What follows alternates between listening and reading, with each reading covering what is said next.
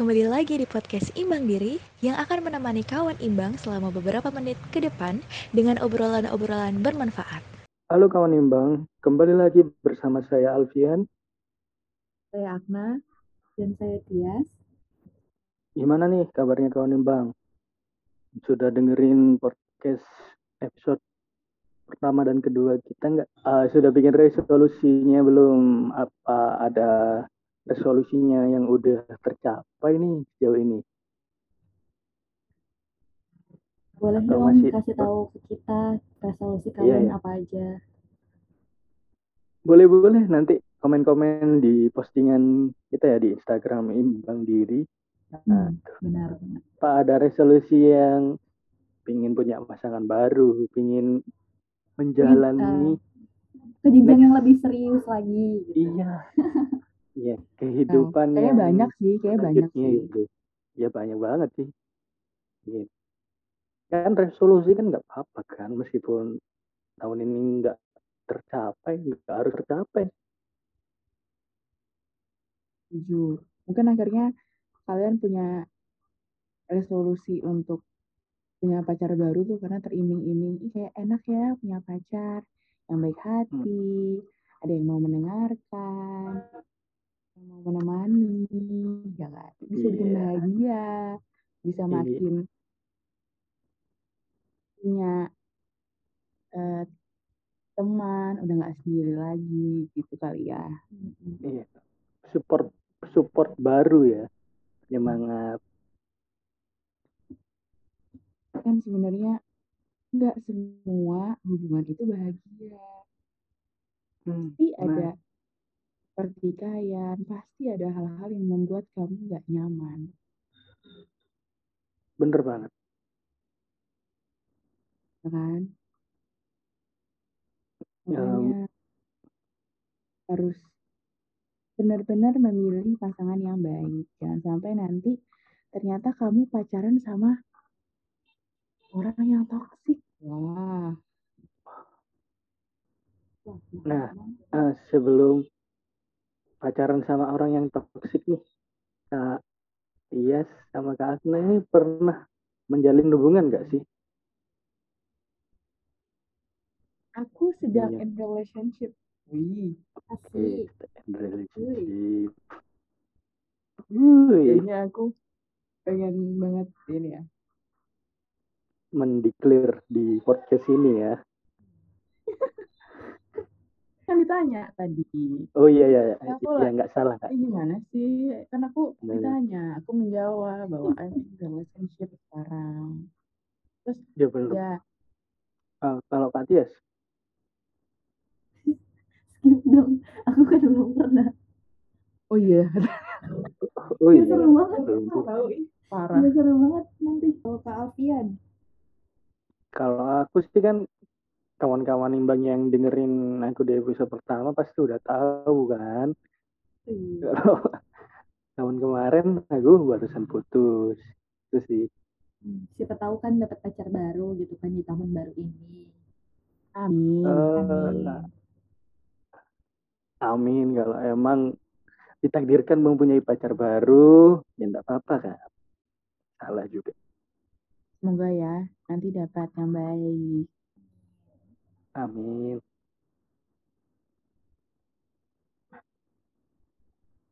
Oh iya tadi kan ngobrolin tentang toxic relationship. Eh, kalau pernah nggak sih Kak Akna atau Kak Tias, Kak Tias kan belum pernah in relationship. Kalau Kak Akna pernah nggak sih dalam in relationship itu pacarnya Kak pasangannya Kak Akna itu toxic atau Kak Tias nih di, pernah diceritain temen atau dicurhatin sahabatnya tentang toxic relationship itu pernah nggak? Kalau aku diceritain gitu, tapi aku nggak tahu ya ini eh, jatuhnya toxic relationship atau enggak. Tapi emang apa ya, nggak baik gitu loh, nggak baik kayak dia tuh jadi temen aku eh, pacaran sesama gamers gitu. Jadi ketemunya di tempat main games gitu online tapi Hmm. tuh jatuhnya kayak seru dia tuh suka pokoknya apa yang dilakukan temen aku tuh dia tahu semua jadi kayak nggak ada privasinya gitu Hmm. terus Oh kalau benar-benar.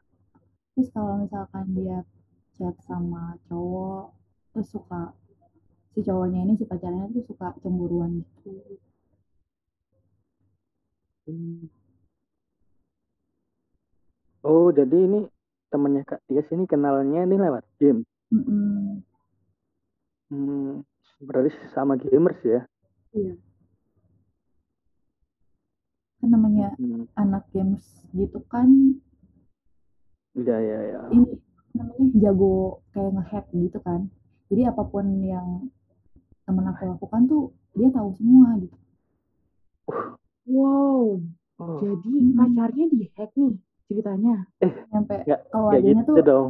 tapi emang bener kayak nggak dihack juga tapi semua privasi teman aku tuh tahu dianya dari mulai emailnya pernah kehack juga emailnya terus eh, papahnya kayak nggak diteror juga sih tapi dianya diteror dari internet internet gitu lewat akun akunnya dia tuh dihack hack gitu serem deh pokoknya aku aku diceritain aja kayak ih emang beneran ya ternyata ada yang kayak gitu loh Serem banget. Oh, kalau Ini temannya Kak serem Tias banget itu ini. mah.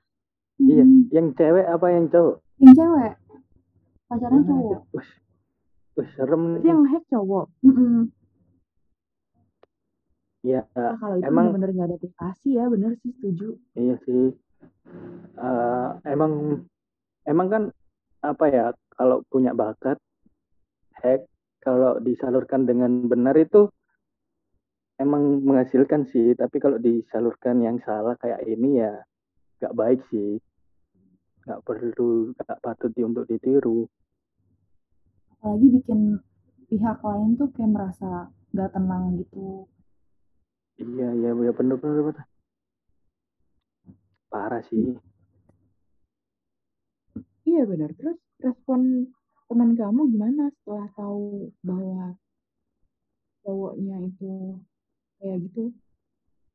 iya. Itu lama juga sih? Maksudnya dia kan kan akhirnya kan putus putusnya itu kayak sebenarnya putus baik-baik tapi tuh pacarnya kayak nggak rela gitu loh. Jadi kayak diteror terus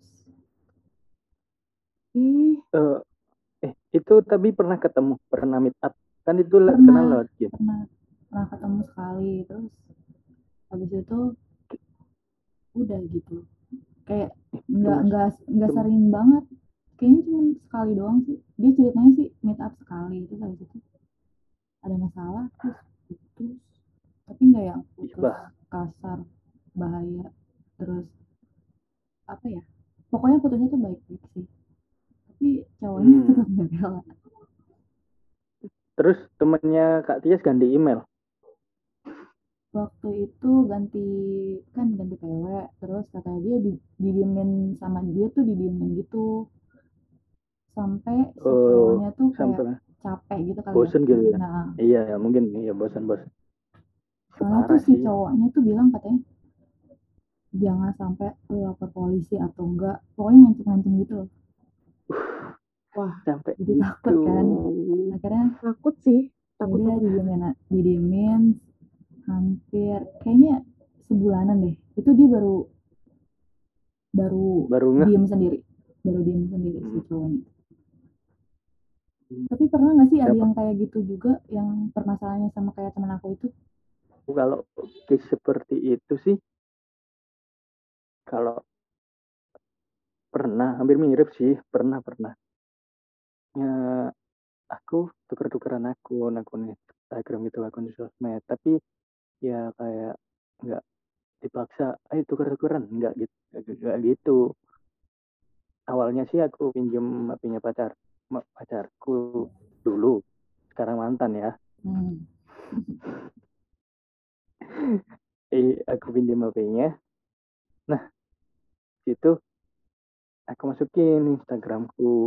Nah ya aku tahu sih. Dia dia awal awal jadian dulu itu dia cerita kalau dia posesif. Ya aku nggak pengen diposesifin kan. Makanya aku kasihkan aku apa sosmedku.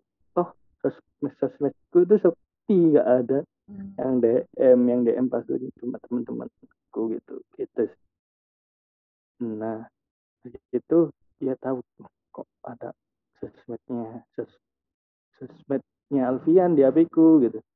Dari situ besoknya ketemu lagi.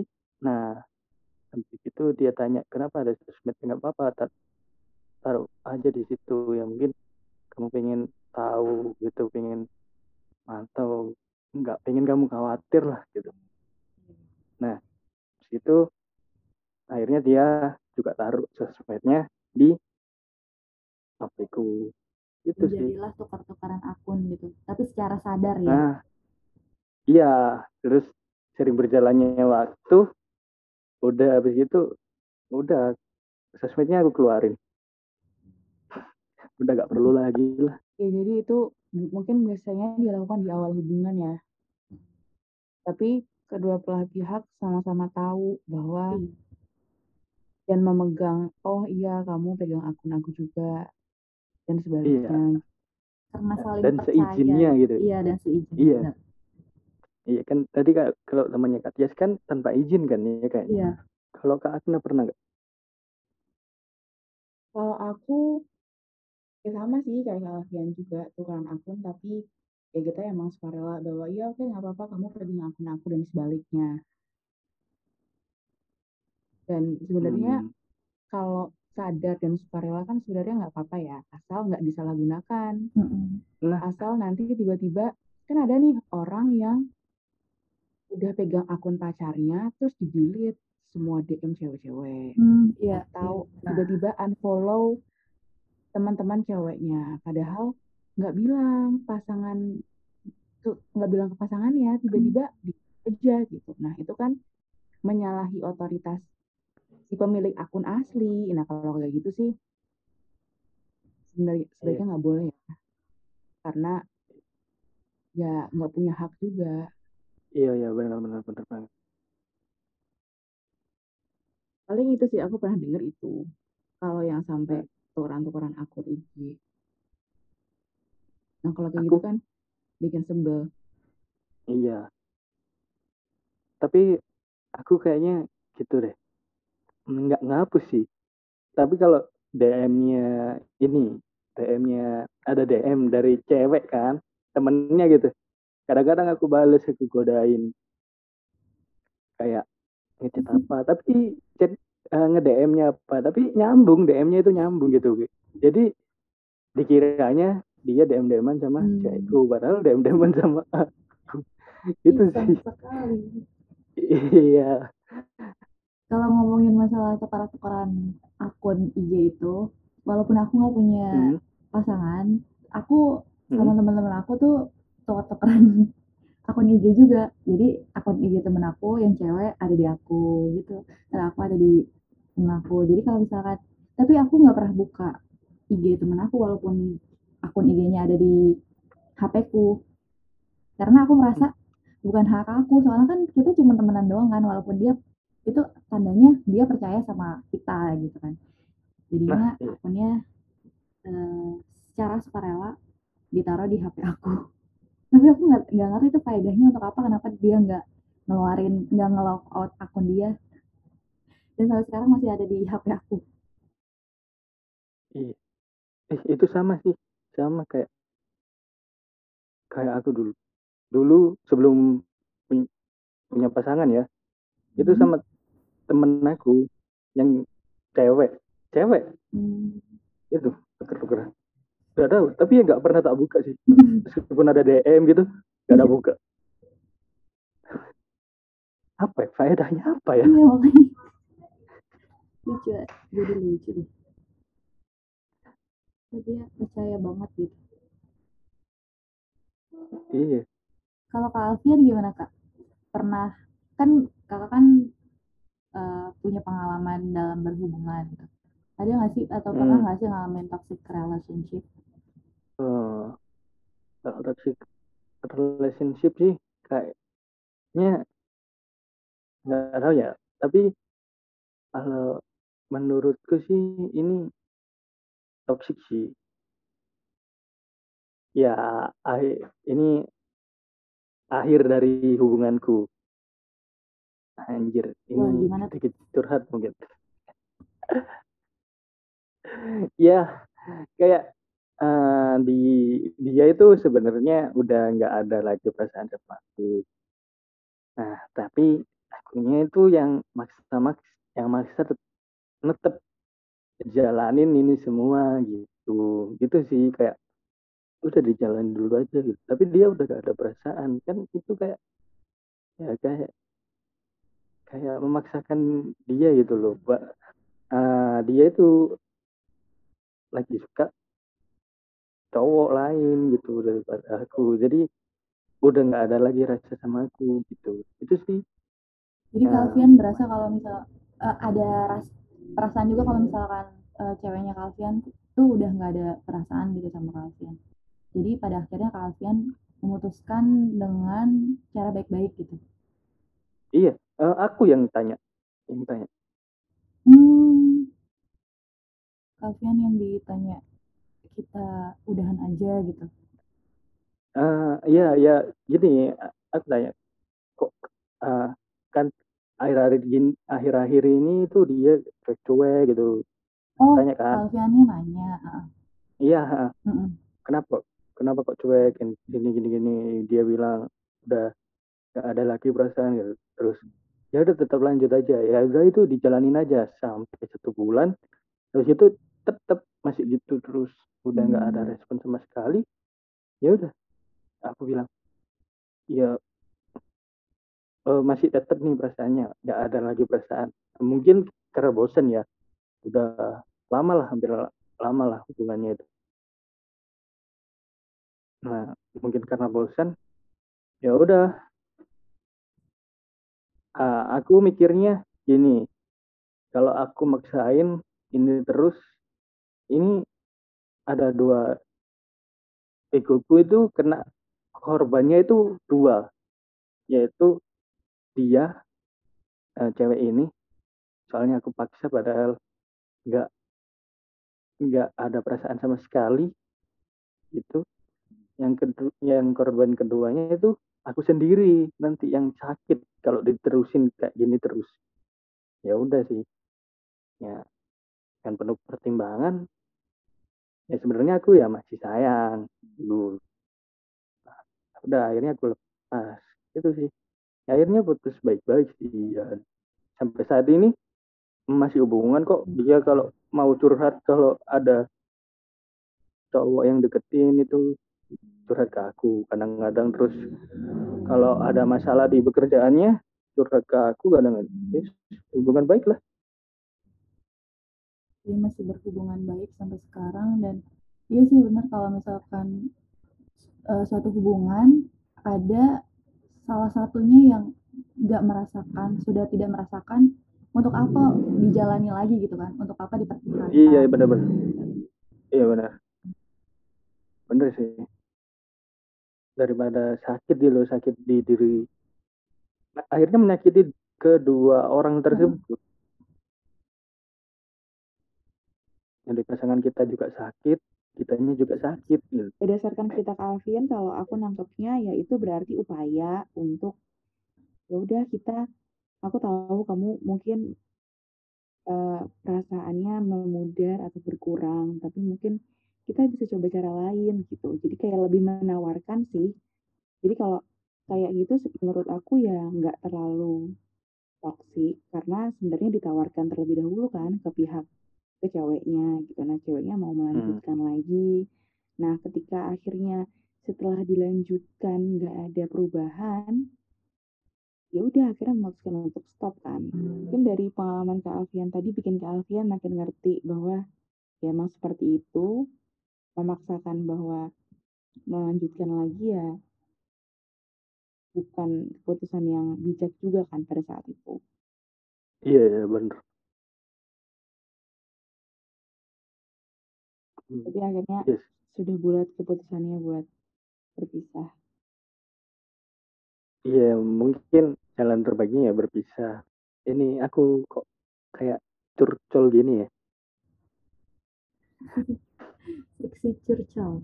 Sebenarnya apa sih yang bikin orang pada akhirnya tuh berbuat sesuatu yang menjadi toxic relationship kepada pasangannya? Dari pengalamanku ya itu itu sih percayaan sih percaya yang pertama itu percaya saling percaya saling kayak ngejaga yang kedua ngejaga perasaan sih. Kalau emang pacarnya ini selingkuh pasangannya selingkuh ya udah kan udah gak bisa dipercaya lagi. Tapi semua itu tergantung pasangannya. Mau memberikan kesempatan kedua atau enggak. Terus sama komunikasi juga itu. Yang terpenting dalam sebuah hubungan itu sih. Iya. Komunikasi. komunikasi percaya atau jujur lah jujuran sama kepercayaan udah tiga itu kalau tiga ini berjalan dengan baik pasti hubungannya sukses lah insya Allah kalau aku gitu nggak tahu kalau kak Agna Berarti emang komunikasi itu penting ya dalam suatu hubungan. Gak cuma belajar untuk menyampaikan. Karena menyampaikan tuh kadang susah loh. Karena kadang orang terlalu memendam iya apa iya yang benar mereka apa yang mereka nggak nyaman. Karena banyak faktornya, mungkin karena takut reaksi pasangannya terlalu berlebihan, terlalu pandang, terlalu takut pandangannya buat gitu, terlalu takut apa yang disampaikan itu ditolak mentah-mentah sama pasangannya. Itu bikin komunikasinya nggak jadi dua arah. Karena kalau takut menyampaikan, jadi terus nurut aja karena nggak berani ngomong gitu. Jadi penting banget untuk mengerti konsep komunikasi yang mau saling mendengarkan, mau saling apa ya, berlapang dada mendengar apa yang pasangan kita omongin dan kita juga responnya yang responnya yang mendukung dia buat kayak oh iya kamu melihat aku seperti ini ya. Iya iya benar. Kalau aku sih gitu penting banget komunikasi itu penting. Sebenarnya ada gak sih kayak cara-cara menghilangkan toxic gitu toxic relationship atau cara-cara menghilangkan toxic sebelum melakukan hubungan nih.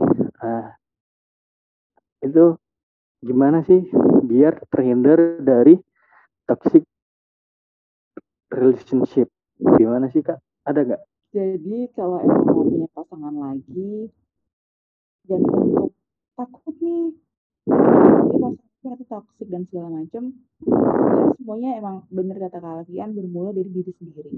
Jadi apa sih? Jangan-jangan yang selama toxic tuh kita. Nah itu kan juga pertanyaan ya. Ya ya takutnya kita menghindari orang toksik padahal sebenarnya kita juga toksik nah. Toksiknya itu di kitanya ya gitu. iya takutnya kan. Iya iya benar sebelum menilai, menilai orang kan harus introspeksi diri kan? Betul betul. Itu penting banget sih punya kesadaran diri bahwa aku tuh sebenarnya gimana sih selama ini? Misalkan kamu sebelumnya udah punya pasangan atau udah punya hubungan. Nah iya. kan gagal tuh. Nah berarti iya. kan ada yang salah nih mungkin sama komunikasi cara menyampaikan kamu. Nah sebelum mulai hubungan bisa dievaluasi dulu tuh aku pasang, pasangan gini-gini loh. Atau dulu tuh aku terlalu minta dia buat selalu telepon aku atau ah. bikin dia selalu SMS aku terus atau tiba-tiba aku ngambek. Dan aku ngediamin dia berhari-hari. Nah itu kan bikin orang gak nyaman. Ah, iya iya. Benar-benar dan sebenarnya hal-hal kayak gitu kan bisa diomongin kan kayak uh, kamu nggak harus kok kan kamu dulu selalu pengen dihubungin sama pacar kamu di mana pun kapan pun. Bener banget sih.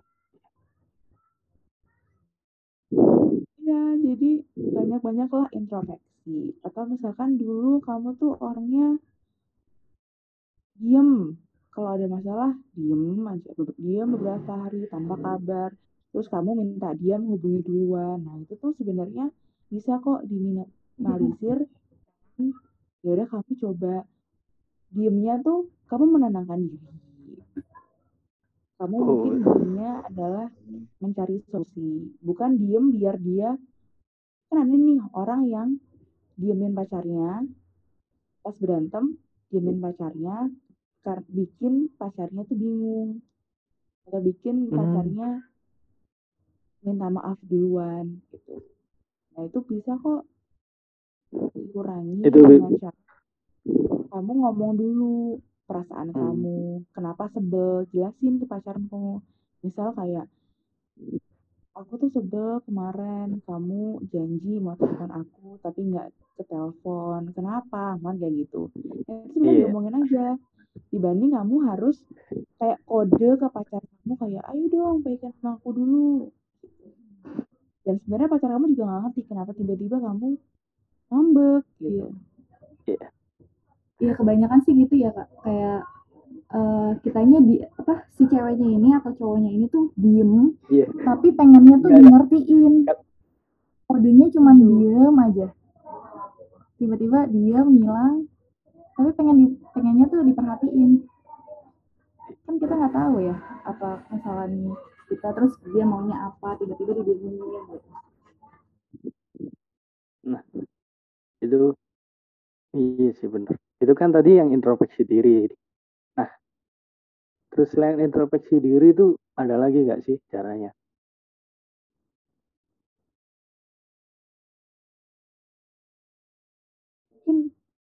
nyambung sama ke introspeksi diri ya. Kalau introspeksi diri kan itu berasal dari kita sendiri, kita evaluasi diri sendiri. Nah, mungkin kita yeah. juga bisa mendengarkan masukan dari orang terdekat, kan keluarga, teman, pacar. Kamu tanya aja, selama ini kita komunikasi atau berhubungan, kamu pernah gak sih be sama hmm. aku karena aku nyebelin? Hmm, dari sudut pandang yang lainnya ya? Ya, betul, sudut lain. Biar akhirnya kita punya pandangan lebih luas pandangan ya benar ya tanya aja kayak menurut kamu gimana sih caraku selama ini menghadapi masalah?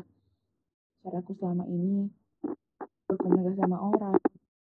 Pernah merasa tersakiti oleh perbuatanku gitu. Nah itu kan bisa akhirnya bikin kita oh ternyata kamu tuh kayak gini ya ternyata kamu nggak suka atau tersakiti ketika aku melakukan ini. Jadi akhirnya memunculkan diskusi. Hmm ya benar-benar itu kayak semacam kayak bisa menerima pendapat orang lain ya. Bisa menerima apa nih orang lain ya. Iya benar nah ada lagi nggak kan itu habis. Yang pertama itu introspeksi diri. Yang kedua itu menerima pendapat atau opini orang lain. Nah ada lagi nggak?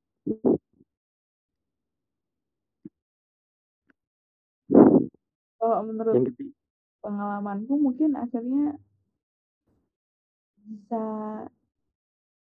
mengurangi atau mengontrol perkataan-perkataan negatif ke diri sendiri atau ke orang lain sih. Hmm. Jadi jika kamu nggak suka sama pasangan kamu, misal, jangan tiba-tiba langsung ngomong negatif. Mbak, kamu dulu yang bilang, eh, aku kok merasa nggak nyaman ya kalau kamu melakukan A gitu misal jangan langsung yang kamu bilang eh gimana sih kamu telat mulu gak ada jam apa di rumah gitu kan konotasinya negatif. Iya bener. Oh jadi kayak Sebenarnya uh, kontrol pernyataan negatif itu ya harus dikontrol banget ya. ya Jadi nggak jadi nggak menyakiti kita dan orang lain juga. betul. Karena Hmm. sebenarnya marah boleh, sebel boleh, kesel boleh. Iya. Tapi penyampaiannya dijaga apakah negatif, apakah nanti Menyakiti. maksud.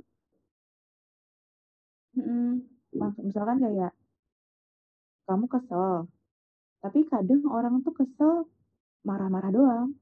Tapi kamu nggak ngerti kenapa kamu marah-marah. Nah itu maksud itu sampaikan, bukan Hmm. ekspresi kamu yang marah-marah.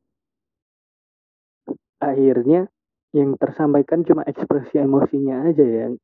Ya, Ekspre- eh, maksud dari apa yang diekspresikan marahnya itu kenapa itu akhirnya nggak tersampaikan atau kan atau nggak marah Eh, mungkin nangis sih mungkin nangis bisa kan kesel Mm-mm. nangis itu cuma nangis saja tapi pasangannya nggak tahu atau orang orang di sekitarnya nggak tahu kenapa nah ini nangis itu sih ya Hmm. Kayak gitu sih. Mungkin ya itu cara untuk menghindarinya yaitu perbanyak dan berlatihlah berkomunikasi, menyampaikan maksud ke orang lain. Hmm. nah itu kan tadi kan cara caranya itu jadi ada tiga tadi ya Eh, jadi ada tiga ya tadi ya jadinya cara menghilangkan sebelum sebelum kita terjun ke relationship biar kitanya nggak toxic ke relationshipnya nanti. Nah itu ada tiga cara nih. Yang pertama itu introspeksi diri sendiri dulu. Yang kedua itu harus belajar untuk menerima opini kritik saran dari orang lain gitu. Jadi kalau nanti in relationship dapat pendapat atau kritik dari pasangan kita, nah kita bisa menerima itu gitu. Nah, yang ketiga tadi yang terakhir yaitu hindari atau kontrol pernyataan negatif ke diri sendiri atau pasangan kamu nanti. Itu kan tadi cara untuk diri sendiri sebelum melanjutkan ke sebelum terjun ke hubungan toxic relationship. Nah, ini ada nih ciri-ciri kamu berada di toxic relationship. Jadi yang buat yang punya pasangan atau in relationship, nah ini ada nih dari Hey Sigman. Nah, itu ada enam ciri-ciri. Yang pertama, kamu merasa lelah dalam hubungan tersebut. Ya, mungkin merasa bosan gitu kan. Nah, yang kedua ada gak berani untuk berpendapat dan menolak. Nah, itu tadi ya mungkin case-nya kayak tadi itu tidak eh, komunikasinya tidak jalan dua arah. Kamu hanya mem- memendam memendam pendapatmu terhadap relationship ini gitu. Yang ketiga tidak ada usaha dari pasangan kamu. Nah, ini jadi pasanganmu itu udah diajak diskusi gitu. Nah, tapi eh, relationshipnya itu stuck di situ kan namanya hidup itu kan harus maju kan kak Iya benar. Setuju.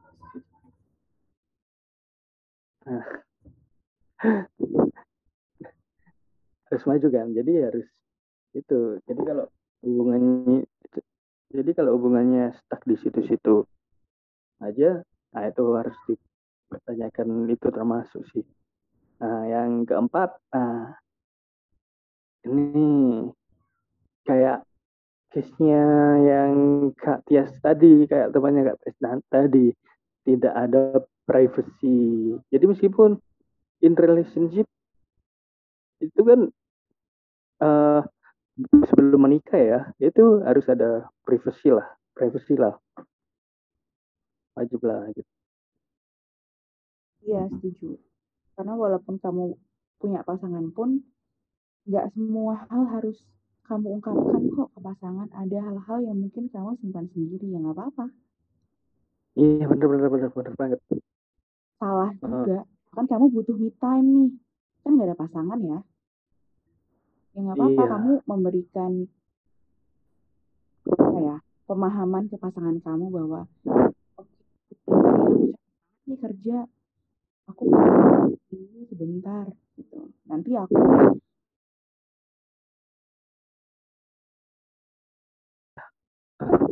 kadang juga itu gini kak. Ada pasangan si cowok sama si ceweknya. Nah si cowoknya ini ada masalah. Ada masalah selain uh, di luar hubungan ya ada mungkin ada masalah di keluarga atau di kerjaan nah si ceweknya ini si ceweknya ini kayak ngerasa kayak kamu kok nggak kamu kenapa ada masalah kah? gitu. Kenapa nggak mau cerita? gitu. Ya mungkin si cowoknya nggak mau cerita itu nggak mau ngebebani si ceweknya kan. Biar aja kan. Terus mungkin ya itu privasinya si cowok juga nggak mau cerita cerita gitu nggak mau. Soalnya kan nggak harus semuanya itu diceritain ke pasangan. Ada kayak dipetak-petakin gitu. Ada orang kan seperti itu. Oh ini diceritain masalah ini diceritain ke pasangan nggak apa-apa. Yang kayak gini jangan deh gitu. Takutnya pasangannya nanti gini gini gini. Itu kan bisa kan? Baru baru kalau udah suami istri baru boleh sih. Kalau menurutku kalau semuanya diceritain boleh sih kan udah satu rumah juga. Tapi mungkin menurut aku kalau di case-nya Kak Alfian tadi kalau emang kan si ceweknya udah, udah tanya ya kamu kenapa? Ya. kan dia khawatir ya. Iya ya walaupun si cowoknya kita mungkin dikasih pemahaman aja bahwa ya aku ada masalah nih tapi kamu sekarang ah ya bisa bisa bisa bisa sih. Jadi responnya tuh dipahamkan juga ke pasangannya bahwa aku bukan nggak mau cerita sama kamu tapi ini tuh sebenarnya cerita yang aib lah buat keluarga jadi aku belum bisa cerita misalkan kayak gitu. Iya iya akhirnya pasangannya paham bahwa oh iya ya dia tuh sebenarnya bukan bukan egois tapi yang memang ada hal yang yang dia dia mau kelarin sendiri Ya, dan pasangannya itu wajib memahami itu kan, nggak harus memaksa semuanya harus diceritain ke dia. Gitu. Ya, setuju. Kalau emang pasangannya emang nggak mau cerita dan emang tanggung maksudnya ya ya udah gitu nggak apa-apa di, di support aja nggak usah nah oke oh ya ya itu tadi yang jadi yang keempat itu tidak ada privacy dalam relationship tersebut. Nah, yang kelima ini adanya kekerasan fisik. Nah, ini ini udah kartu merah nih katanya anak-anak zaman sekarang. Udah, harus warning. Ya. Karena kalau akhirnya dia udah berani buat main fisik, menurut aku susah stopnya. Menurut kasus-kasus yang lain tuh ya dia akan kayak gitu terus ke kamu. Ada ada nggak pengalamannya mungkin temannya kak Ti kak Asna kak Tia ada nggak? Kalau aku nggak kalau aku pribadi nggak ada sih. Tapi aku mungkin lihatnya di kasus-kasus di Instagram gitu-gitu loh kak. Misalkan oh, aku iya, iya, iya. akun-akun IG terus ada tuh cerita random anonim. Kayak gitu kan kekerasan yeah, yeah. dipukul bertahun-tahun. Ya itu kalau udah main fisik ya susah untuk iya. stop dia nggak bakal hmm. mau lagi tuh susah karena mungkin dia juga pernah diperlakukan seperti itu akhirnya dia melakukan itu ke kamu Hmm, iya iya benar benar. Love. Nah, itu kayaknya itu love language pasangannya itu physical attack. Physical attack Oh, ya bukan ada physical itu. touch ya bukan bukan Lucu bukan loh. physical touch. Itu physical touch berkedok physical attack. Eh, kebalik kebalik kebalik. Physical attack physical attack berkedok berkedok physical physical touch touch ya. Iya bener bener. Nah, itu di kalau eh, pasangan kalian kawan-kawan imbang ini bilang love language aku physical touch ini. Ah perlu diwaspadai physical touchnya gimana kalau physical touchnya saya gitu. Apa apa kalau physical touchnya kayak physical attack. Tiba-tiba nabok-nabokin. Ya itu perlu diwaspadai juga. Betul. Nah, nah ini yang terakhir nih. Ada nih ciri-ciri kamu dalam toxic relationship. Nggak ada masalah yang terselesaikan, adanya berantem yang tak selesai. Nah, dikit jadi eh, dikit-dikit berantem, dikit-dikit berantem gitu. Nggak selesai-selesai gitu. Ada masalah dikit berantem. Tapi masalah sebelumnya belum selesai, tapi tambah lagi tambah lagi nah itu itu perlu dipertanyakan nih.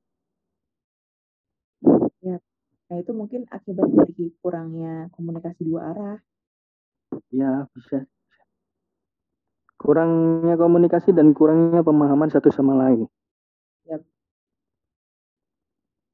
Makanya akhirnya berantem lagi.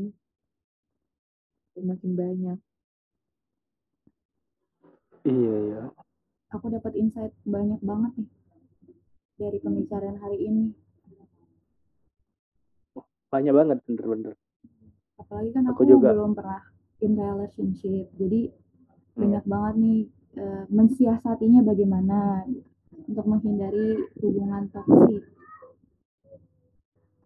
iya sih banyak banget aku juga debat banyak banget kayak tadi hmm, apa namanya kayak sebelum in relationship itu harus bagaimana terus ciri-ciri toxic relationship itu seperti apa sih? Jadi tahu kan oh ini hubunganku toxic atau enggak?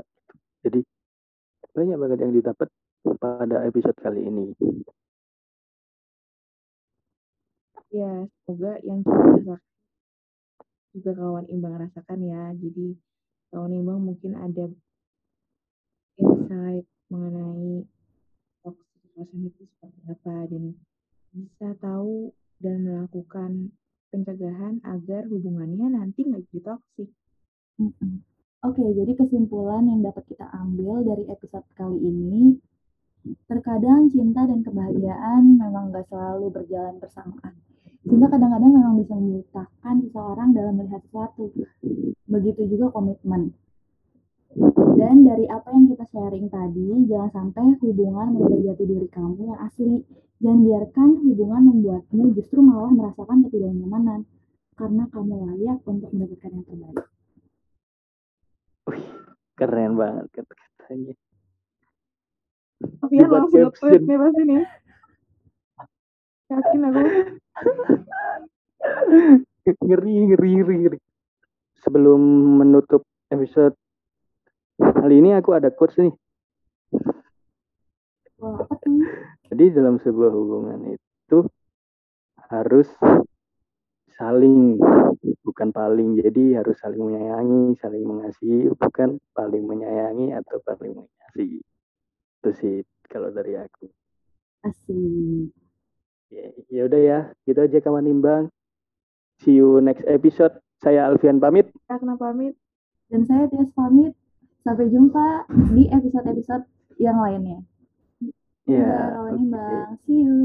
Bye. see you